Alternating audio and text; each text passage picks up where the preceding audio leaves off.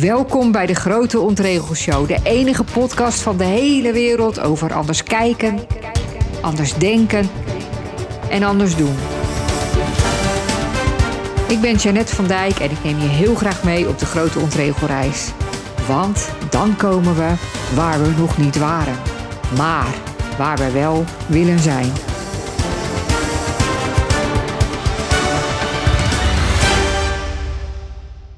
Hey, leuk dat je er weer bent vandaag. Misschien ben je er voor de eerste keer en ken je mij nog niet zo goed.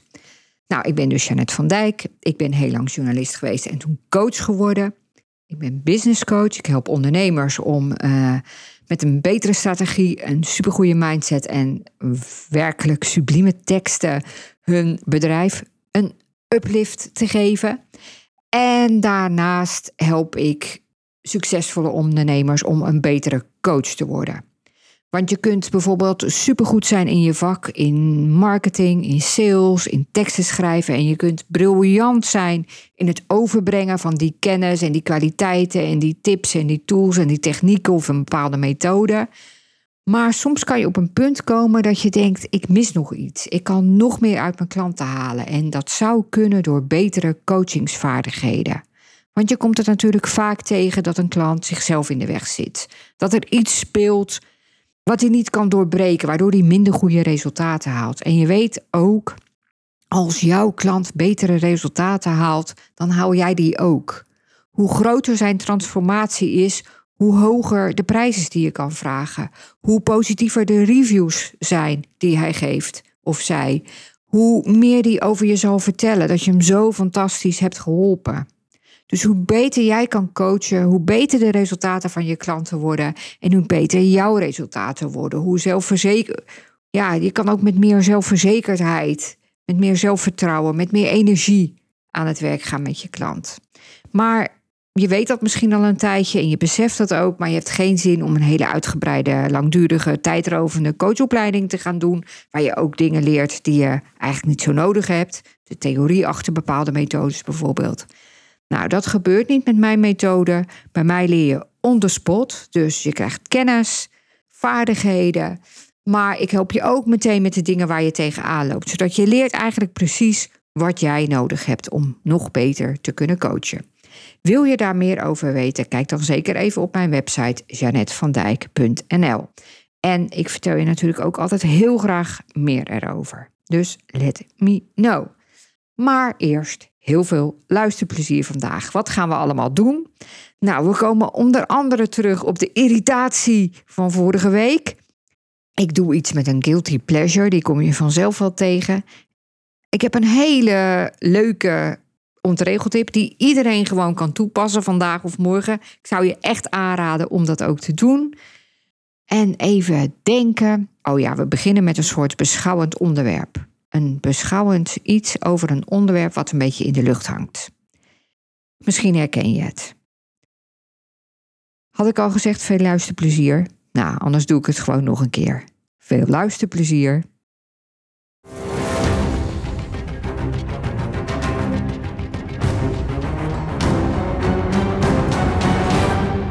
Vandaag gehoord. Je hebt van die dagen of weken of periodes dat iets een beetje in de lucht lijkt te hangen. Je denkt er zelf over na, je leest er dingen over. Mensen beginnen er over je, over tegen je, tegenover je. Mensen beginnen erover. Nou, dat heb ik dus met het onderwerp vriendschap.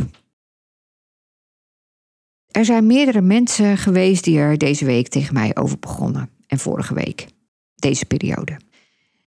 En ik ben er een beetje over gaan nagaan denken over vriendschap. Vriendschap is natuurlijk iets heel moois, iets heel goeds, iets heel waardevols. Maar het heeft ook iets beladends. En dat komt naar boven op het moment dat het niet meer zo lekker loopt, dat het niet zo goed gaat. Dan gaan er ineens, moet je maar bedenken wat er dan bij jezelf kan gebeuren, dan gaan er ineens allerlei dingen meespelen. En met dat beladen bedoel ik dat we vriendschap vaak als iets. Nou ja, ik zei al iets heel moois en goed zien, maar op het moment dat het niet meer zo lekker loopt, dan krijgt het iets beladends. Iets van dat mag niet. Want vriendschap moet altijd goed zijn. En vriendschap moet altijd goed blijven. Je kent het misschien wel dat als iemand zegt van nou, ik heb al eh, drie vriendinnen, die heb ik al vanaf de basisschool of vanaf de, de peuterspeelzaal, dan klinkt dat als iets heel goeds.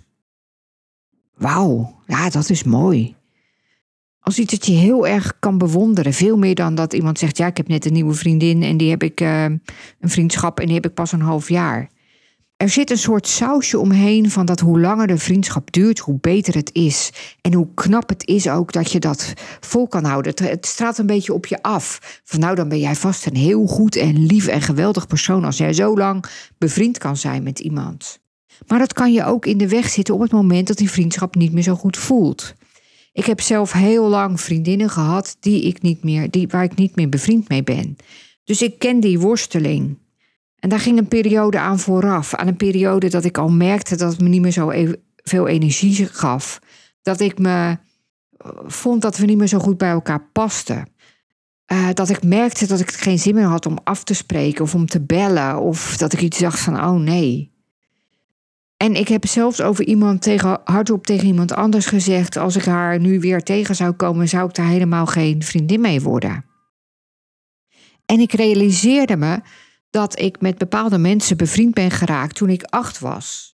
Omdat we toevallig in dezelfde klas zaten, omdat we toevallig in dezelfde buurt woonden. Het is een wet, een psychologische wet. Hoe, hoe beter je iemand leert kennen, uh, hoe leuker je die vaak gaat vinden. Daarom raak je vaak bevriend met klasgenoten die naast je zitten, of mensen die naast je wonen, of collega's met wie je werkt. Maar er is geen wet die zegt dat het voor eeuwig moet zijn. En ik heb ook schaamte gevoeld en schuld gevoeld dat ik het niet langer kon. En ik ben er niet trots op hoe ik sommige vriendschappen heb beëindigd. Dat verdiende echt zeker niet de schoonheidsprijs. Maar ik heb bijvoorbeeld bij één ook letterlijk gevoeld hoe, hoe letterlijk er iets van me afgleed. Echt alsof het, alsof het, ik voelde het gewoon van mijn, ja, ik wijs nu naar mijn, naar mijn, ergens naar mijn hoofd. Ik voelde het zo naar beneden glijden. Viel iets van een last van me af. Iets wat ik voelde van de ander, dat hij me iets kwalijk nam of ergens heel erg anders over dacht, wat, wat mij niet hielp. En dat mag natuurlijk, maar soms heb je dat en, en dat kan een vriendschap ook mooi en dierbaar en waardevol maken. Waardoor je ook weer iets leert van een vriendschap. Maar soms kan het je ook heel erg in de weg zitten of het past gewoon niet meer. En ik heb later gedacht, misschien passen hele lange vriendschappen bij sommige mensen heel erg. Weet je, er zijn mensen die, die wonen honderd jaar in hetzelfde huis. Die blijven altijd bij dezelfde baan of altijd hetzelfde soort werk doen. Die blijven altijd dezelfde sport doen. Dat heb ik niet. Ik, ik wissel van dingen. Ik heb in heel veel verschillende huizen gewoond. Ik heb verschillende carrières gehad. Ik, ik hou ervan om veel van de wereld te zien, veel verschillende dingen. En dat betekent niet dat ik niet in staat ben om langdurige vriendschappen te hebben. Of dat iemand die altijd in hetzelfde huis blijft wonen, uh, niet veel verschillende vriendschappen kan hebben. Maar het kan wel een rol spelen. Ik moest ook denken aan Jan Geurt. Ik heb hem al vaker genoemd in deze podcast en een paar podcasts geleden, volgens mij niet de vorige, maar degene daarvoor, ook over liefde. Over liefde die kan overgaan. Ik moest ook denken aan wat hij zei over die liefde. Volgens mij in het boek um, Verslaafd aan liefde, maar hij zegt het ook wel eens in podcasts en zo. Alles verandert altijd. En de kunst is om met dankbaarheid terug te kijken op wat is geweest. En natuurlijk kan je boos zijn, verdrietig zijn, enorm teleurgesteld. Dat mag er ook zijn, maar blijf daar niet in hangen, zegt hij. Want dat, dat dient jezelf niet. Het is zoveel fijner als je vooruit kan kijken, als je kan accepteren dat dingen altijd veranderen, dat dingen voorbij gaan. Als je terug kan kijken met liefde, met dankbaarheid naar, naar al het mooie wat er is geweest. Maar dat je ook weer vooruit kan kijken naar de nieuwe dingen die weer komen. En zo is het met vriendschap ook, denk ik. Het is heel, natuurlijk kan je heel erg teleurgesteld zijn als iemand je niet meer, en kan het je enorm raken als iemand geen vrienden meer met je wil zijn. Als, als dingen overgaan. Maar hoe mooi het is het als je terug kan kijken en er dankbaar voor kan zijn, maar ook weer vooruit kan kijken naar nieuwe dingen die op je pad kan komen, naar ruimte die je voelt. Het is natuurlijk ook zo'n, ja, ik zei het al, het, het is een, een, een, een ding waar we naar kijken als, ja, toch wel heel vaak denk ik dat het mooier is als het langer duurt. En dat je ook een bepaalde gedachte erover hebt van hoe, hoe, hoe close je moet zijn, hoeveel je elkaar moet zien, dat je altijd voor elkaar moet klaarstaan. Daar moest ik ook aan denken, want juist in die week dat het er vaak over ging, kreeg ik een bericht via Instagram van iemand die ik ruim een jaar geleden heb ontmoet op een borrel. Het was denk ik een van de laatste borrels die we hadden. Het was in februari, het was een hele leuke borrel. We kenden elkaar totaal niet. Ik raakte met haar in gesprek, we raakten met elkaar in gesprek. We raakten niet uitgepraat, het was superleuk. Maar daarna zijn we elkaar gaan volgen op Instagram en dat was het ongeveer. We likten wel eens een post van elkaar en... Een paar weken geleden stuurde ze mij een berichtje en ze zei: Ik zou het wel leuk vinden om weer eens een keer af te spreken. En ik zei, nou, dat vind ik ook wel leuk. Ja, ik had wel iets van, ja, hoe zal dat dan gaan? Want op een borrel is dat toch anders. Nou, ze kwam hier, we hadden om twee uur afgesproken. En op een gegeven moment keek zij op haar uh, telefoon. En toen was het vijf uur, terwijl ze vier uur met een andere vriendin had afgesproken. De tijd was voorbij gevlogen. We waren de tijd vergeten. We pikten het gewoon weer op waar we ruim een jaar geleden op die borrel, terwijl we elkaar helemaal nog nooit hadden gezien, nog nooit van elkaar hadden gehoord, waar we toen waren gebleven. En is het nou iemand die ik een vriendin noem, of die ik volgende week weer ga zien, of die ik ga bellen als er wat aan de hand is? Ik weet het allemaal niet. Ik weet alleen, we hebben een enorme klik, we konden heel veel met elkaar delen en het was mooi. En dit is misschien wel weer een hele nieuwe vorm van vriendschap. De vaste dingen die we denken over vriendschap, ja, zijn die waar? Of kunnen er ook nieuwe vormen ontstaan? Nou, ik ben heel benieuwd hoe jij hierover denkt. Uh, ik zou het heel leuk vinden om, als je je inzicht met, met me wilt delen of iets wil zeggen over ja, wat ik nu heb gezegd. Ik zit hier natuurlijk ook altijd maar in die microfoon te praten en ik weet helemaal niet hoe het eh, overkomt aan de andere kant van de lijn. Dus ik vind het sowieso leuk als je wat laat horen. De ondraaglijke lichtheid van het ontregelen.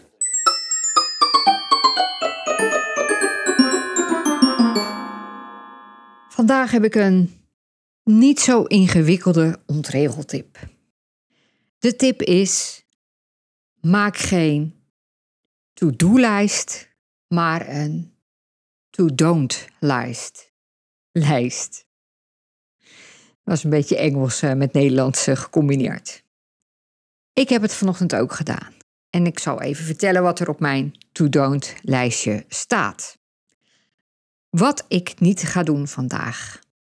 Ik ga niet langer dan 10 minuten achter elkaar op mijn telefoon. Ik ga geen kroket kopen beneden in het restaurant. Ik zit niet langer dan een half uur achter elkaar op mijn stoel. Ik ga vandaag niet oordelen, niet over mezelf en niet over anderen. En de laatste, ik ga vandaag geen dingen uitstellen of vermijden. Nou, het is nu uh, drie over drie. Wat een, mooi, uh, wat een mooi moment van de dag. En ik kan je al zeggen, niet langer dan tien minuten achter elkaar op mijn telefoon is niet gelukt. Geen kroket kopen in het restaurant is gelukt. Niet langer dan een half uur achter elkaar op mijn stoel blijven zitten is gelukt. Niet oordelen, niet over mezelf en niet over anderen. Ik weet het niet helemaal zeker, maar volgens mij is dat gelukt. En ik ga vandaag geen dingen uitstellen of vermijden en dat is al gelukt. Uh, ik bedoel, dat is niet gelukt. Want ik heb al uh, vanochtend dingen uitgesteld of vermeden. En um, ja, ik moet even bedenken hoe dat komt. Dat is een, eh, een innerlijk proces waar ik jullie even niet mee zal vermoeien. Maar waarom is het nou handig, zo'n to-don't lijstje? Nou, vooral denk ik als je zoals ik ondernemer bent en coach en uh, eigenlijk alleen werkt, dan ja, er is niemand die op je let en je kan zomaar ineens verzanden in dingen die je aan het doen bent en waar je dan heel veel plezier mee hebt, bijvoorbeeld met lang op je telefoon zitten. Ja, dat kan gewoon maar gebeuren. En ik denk ook als je thuis werkt, dat je ook eerder afleiding hebt van, nou ja, ik ga toch maar weer even de was doen, of ik ga toch maar eerst even dat doen, of ik ga dat maar weer uitstellen. Uitstellen doen we natuurlijk allemaal.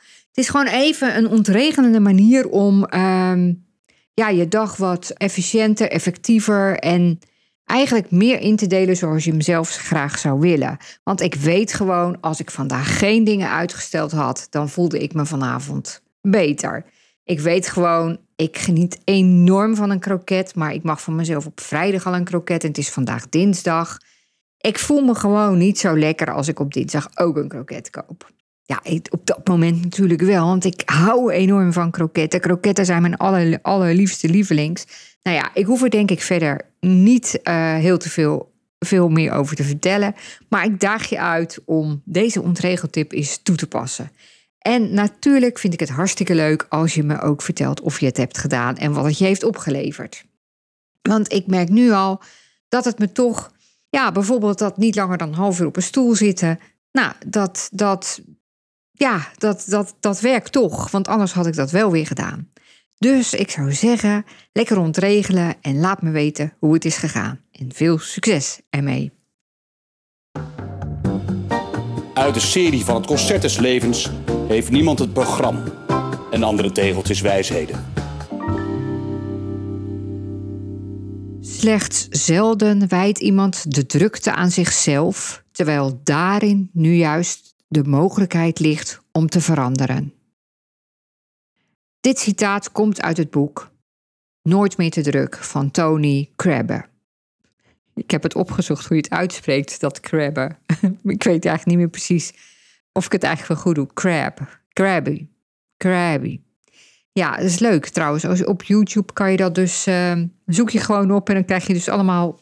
hoe je allemaal namen moet uitspreken. Dat is wel grappig. Ik ga zo meteen even mijn eigen naam proberen. Maar goed. Slechts zelden wijdt iemand de drukte aan zichzelf, terwijl daarin nu juist de mogelijkheid ligt om te veranderen. Volgens mij is dat nou net het zinnetje dat we nooit willen horen als we het te druk hebben. Want ja, we hebben het te druk omdat alles af moet op het werk. Omdat een collega ziek is geworden of zijn werk niet heeft, goed heeft gedaan. Omdat ineens er van alles af moet. Omdat er een deadline nadert. Omdat uh, we een leidinggevende hebben die, die niet goed kan, uh, de taken kan verdelen. Of omdat je VA ziek is. Of omdat je klanten ineens allemaal extra aandacht nodig hebben. Of omdat je schoonmoeder ziek is en iemand anders naar haar omkijkt. En iemand moet het toch doen. En die anderen zeggen allemaal dat ze er geen tijd voor hebben. Of omdat er ineens allemaal mensen zijn die je bellen. Of die allemaal willen afspreken. Of nou ja, vul het maar in. We moeten van alles. We hebben het heel erg druk. Het komt allemaal op ons neer. Wij moeten het doen. Want wie doet het anders? Slechts zelden wijdt iemand de drukte aan zichzelf, terwijl daarin nu juist de mogelijkheid ligt om te veranderen. Slechts zelden wijdt iemand zijn ontevredenheid aan zichzelf, terwijl daarin nu juist de mogelijkheid ligt om te veranderen. Slechts zelden wijdt iemand zijn boosheid aan zichzelf, terwijl daarin nu juist de mogelijkheid ligt om te veranderen. Je hoort het al, je krijgt vandaag niet één tegeltjeswijsheid, maar je krijgt er meer. Ik denk dat er heel vaak dingen ingewikkeld worden omdat we de oorzaak en de schuld daarvan buiten onszelf zoeken. En we weten ook allemaal dat het heel moeilijk is om situaties te veranderen, om andere mensen te veranderen. Het is moeilijk, lastig en soms ook wel eigenlijk onmogelijk. En wat we altijd wel kunnen doen, is naar onszelf kijken en onszelf veranderen. Het lijkt zo makkelijk om het bij de ander neer te leggen, maar uiteindelijk is dat veel moeilijker, omdat ja, daar heb je zo weinig invloed op dat het dan ook anders gaat worden. Daar kom je uiteindelijk dus geen steek verder mee. Dus dank je wel, Tony Krabbe, Krabbe, Crab. Krabbe. Ik zal hem nog een keertje uh, zeggen. Wat je moet doen om het niet minder druk te hebben. Denk aan deze tegeltjeswijsheid. Slechts zelden wijdt iemand de drukte aan zichzelf, terwijl daarin nu juist de mogelijkheid ligt om te veranderen. Coach-tip. Wat doe je als je klant geen stappen zet? Dit is een vraag die een rol kan spelen bij je als je businesscoach bent, maar je kunt hem ook op jezelf betrekken. Wat doe je als je zelf dingen hebt voorgenomen en je hebt ze niet gedaan? Zoals ik vandaag bijvoorbeeld. Altijd als er iets speelt tussen een klant en jou in coaching, kun je heel veel vragen gaan stellen. En de vragen zijn eigenlijk in een paar categorieën te verdelen. Het eerste is: zit er iets bij jou? Het tweede is: zit er iets bij de coachie, bij de klant? Het derde is: zijn de afspraken duidelijk en nuttig? Als we eerst beginnen bij om te kijken of het misschien bij jou zit, dan kun je je bijvoorbeeld afvragen: heb jij, stel je voor heel concreet, ehm, je hebt met de klant afgesproken, die vindt het moeilijk om zichtbaar te zijn en je hebt afgesproken met de klant dat hij de komende twee weken tien posts op zijn favoriete social media kanaal zet. Facebook of Instagram of LinkedIn. En hij heeft het niet gedaan. Was het misschien jouw idee? Was het een idee dat jij hebt eigenlijk aangedragen zonder dat je hebt ge, gecontroleerd of nagevraagd of onderzocht of de klant er wel helemaal achter stond? Vaak is het beter als hij zelf iets verzint. En als jij het verzint, moet je eigenlijk altijd vragen: vind je dit een goed idee? Zal ik je een voorstel doen? Dus de eerste vraag is: waren het stappen die jij hebt bedacht of heeft de klant ze zelf bedacht? Tweede wat je je kan afvragen, passen die stappen eigenlijk bij het doel van de klant? Nou, stel je voor de klant wil uh, meer klanten hebben, dan is zichtbaar zijn op social media een van de stappen die hij zou kunnen zetten. Dus dan past het bij het doel. En heeft de klant nog wel hetzelfde doel? Of heeft hij inmiddels een ander doel? Dat is altijd goed om na te vragen, want vaak stel je aan het begin van een traject een doel vast, maar dat doel kan in de loop van de tijd veranderen omdat een klant erachter is gekomen dat het het eigenlijk helemaal niet zo graag wil, of omdat de omstandigheden veranderd zijn, of omdat hij het heeft opgegeven. En is het doel eigenlijk wel passend? Past het doel bij hem of haar? Of heb jij het misschien verzonnen?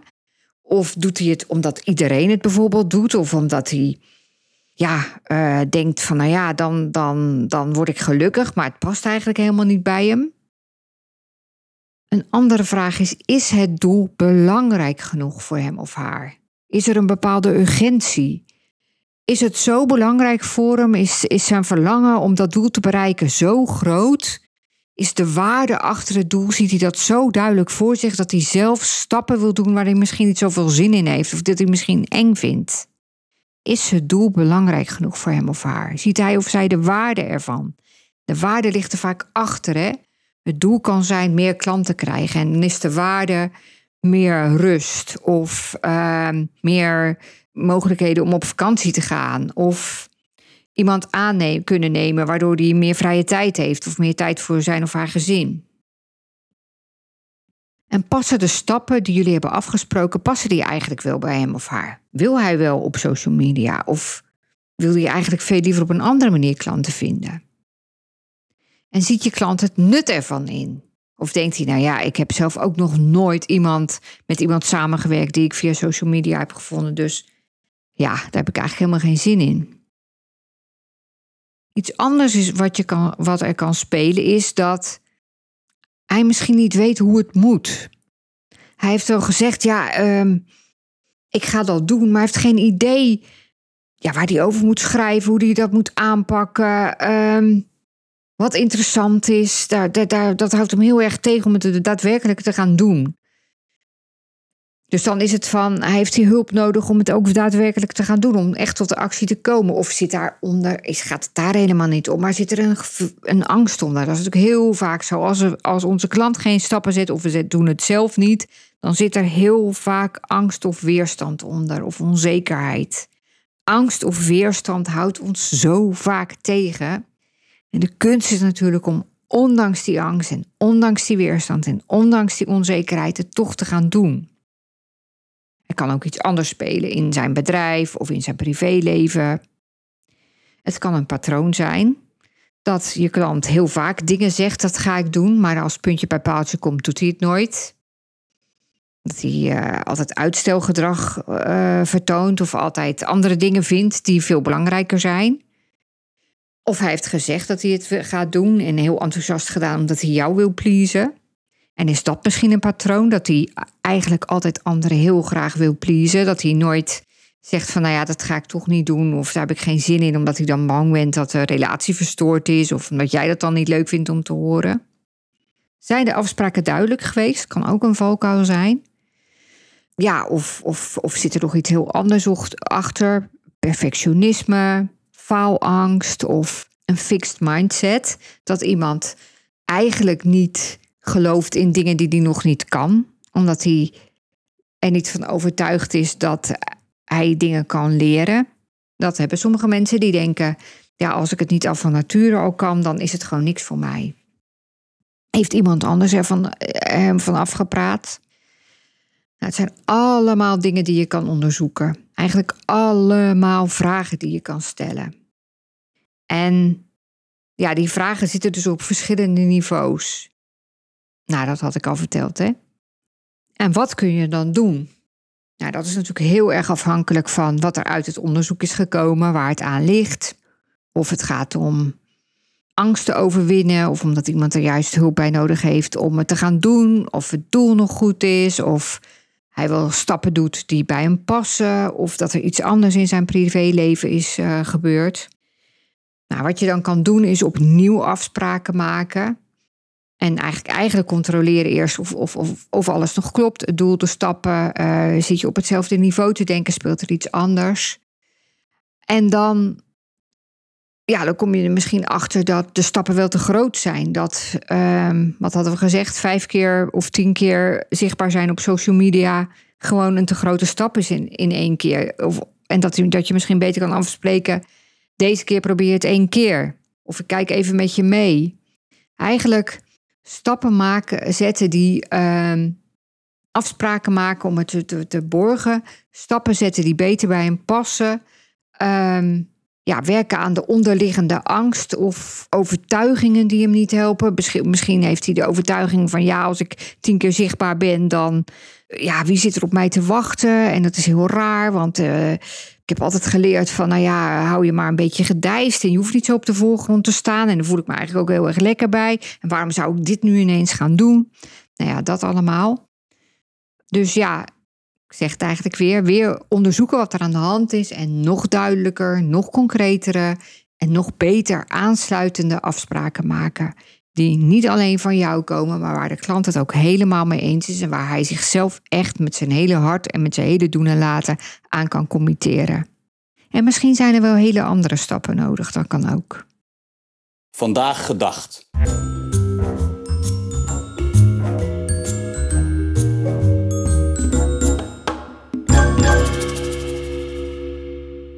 Ik dacht vandaag ineens aan die Australische verpleegkundige. Die werkte op een afdeling voor terminaal zieke mensen. En zij had een onderzoek gedaan, want zij vroeg namelijk aan mensen op die afdeling waar ze het meest spijt van hadden. Nou, al die antwoorden heeft ze allemaal geïnventariseerd. En daar heeft ze toen een soort lijst van gemaakt van vijf dingen die het vaakst werden genoemd. En ik heb dat lijstje heel vaak gezien en ook wel vaak verteld. En ik, maar als je me dan weer zo vraagt van wat stond er nou in, dan ben ik het vergeten. En dat geldt misschien voor jou ook wel. Ehm, en ik denk van, ja, af en toe wil ik mezelf er gewoon weer even aan herinneren. Wil ik er weer even aan herinnerd worden.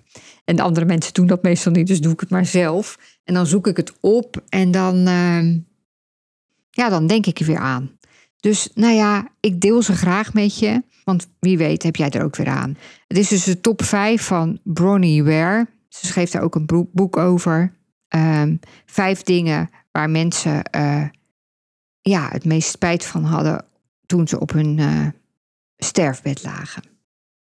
Het eerste is, ik wilde dat ik mijn eigen dromen had nagejaagd en niet had gedaan wat anderen van mij verwachten. Het tweede is, ik wilde dat ik niet zo hard had gewerkt. Het derde. Ik had de moed willen hebben om mijn gevoelens te uiten en om te zeggen wat ik dacht. De vierde. Ik wilde dat ik contact had gehouden met mijn vrienden. En de vijfde. Ik had mezelf willen toestaan om gelukkiger te zijn. Vandaag gelezen. Ik las een artikel in de New York Times over een Amerikaanse psychiater, een dokter Norman Rosendaal, die een van de eerste was die lichttherapie gebruikte bij patiënten die last hadden van seizoensgebonden depressies. Ik denk dat je in de volksmond gewoon kan zeggen winterdepressie.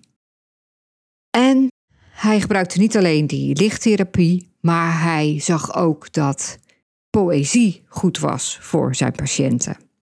Hij vertelt in het artikel dat hij zelf al heel veel troost en comfort vond in, in gedichten.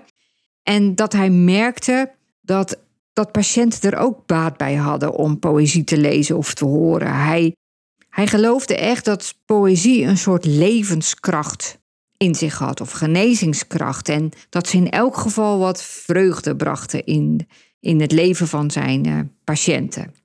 Is ook een TED-talk gedaan voor, door iemand anders. En die zegt ook het ritme en het ritme van de woorden en, en van de zinnen en van de regels in poëzie, die, die uh, helpen je om je beter te voelen.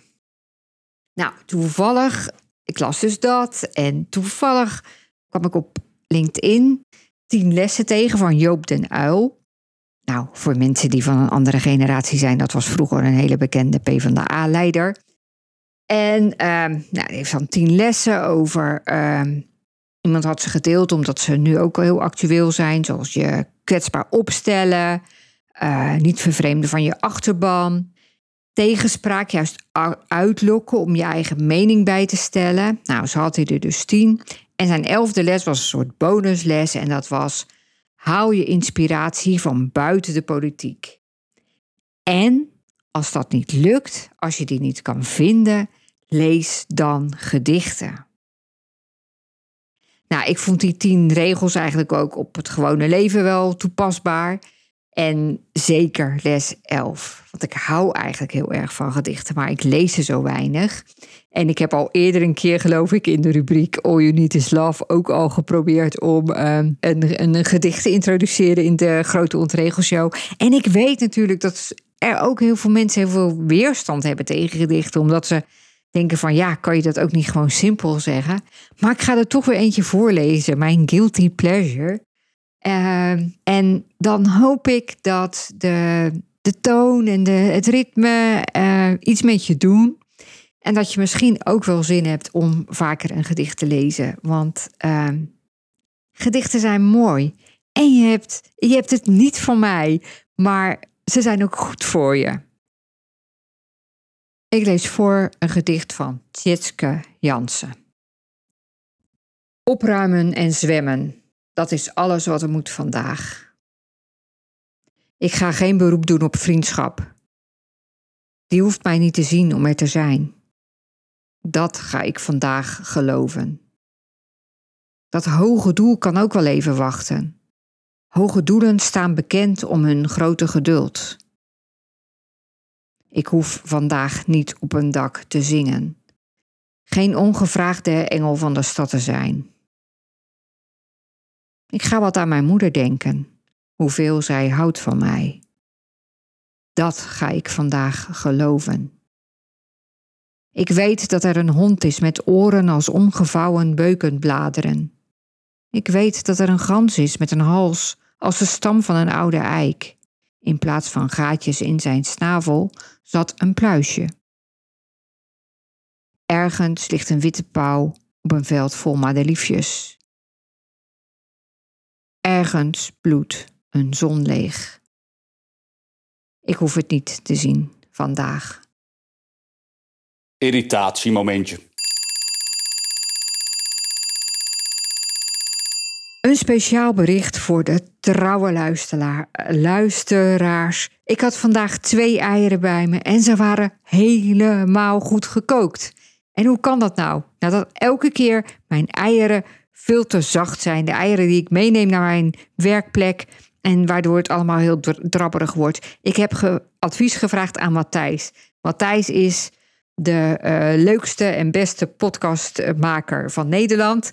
Hij uh, heeft al die leuke jingletjes en dingetjes en stemmetjes en geluidjes gemaakt voor deze podcast. En elke week had hij al mijn us en rare versprekingen eruit. En hij, ja, hij is niet alleen technisch heel goed en hij is niet eh, alleen een geluidswonder, want hij kan gewoon heel veel met geluid. Hij is gewoon ook echt een hele leuke ehm, iemand om mee te werken. Heel enthousiast en komt altijd zijn afspraken na en leeft mee en denkt mee. Nou, super. Ik ben super blij met hem.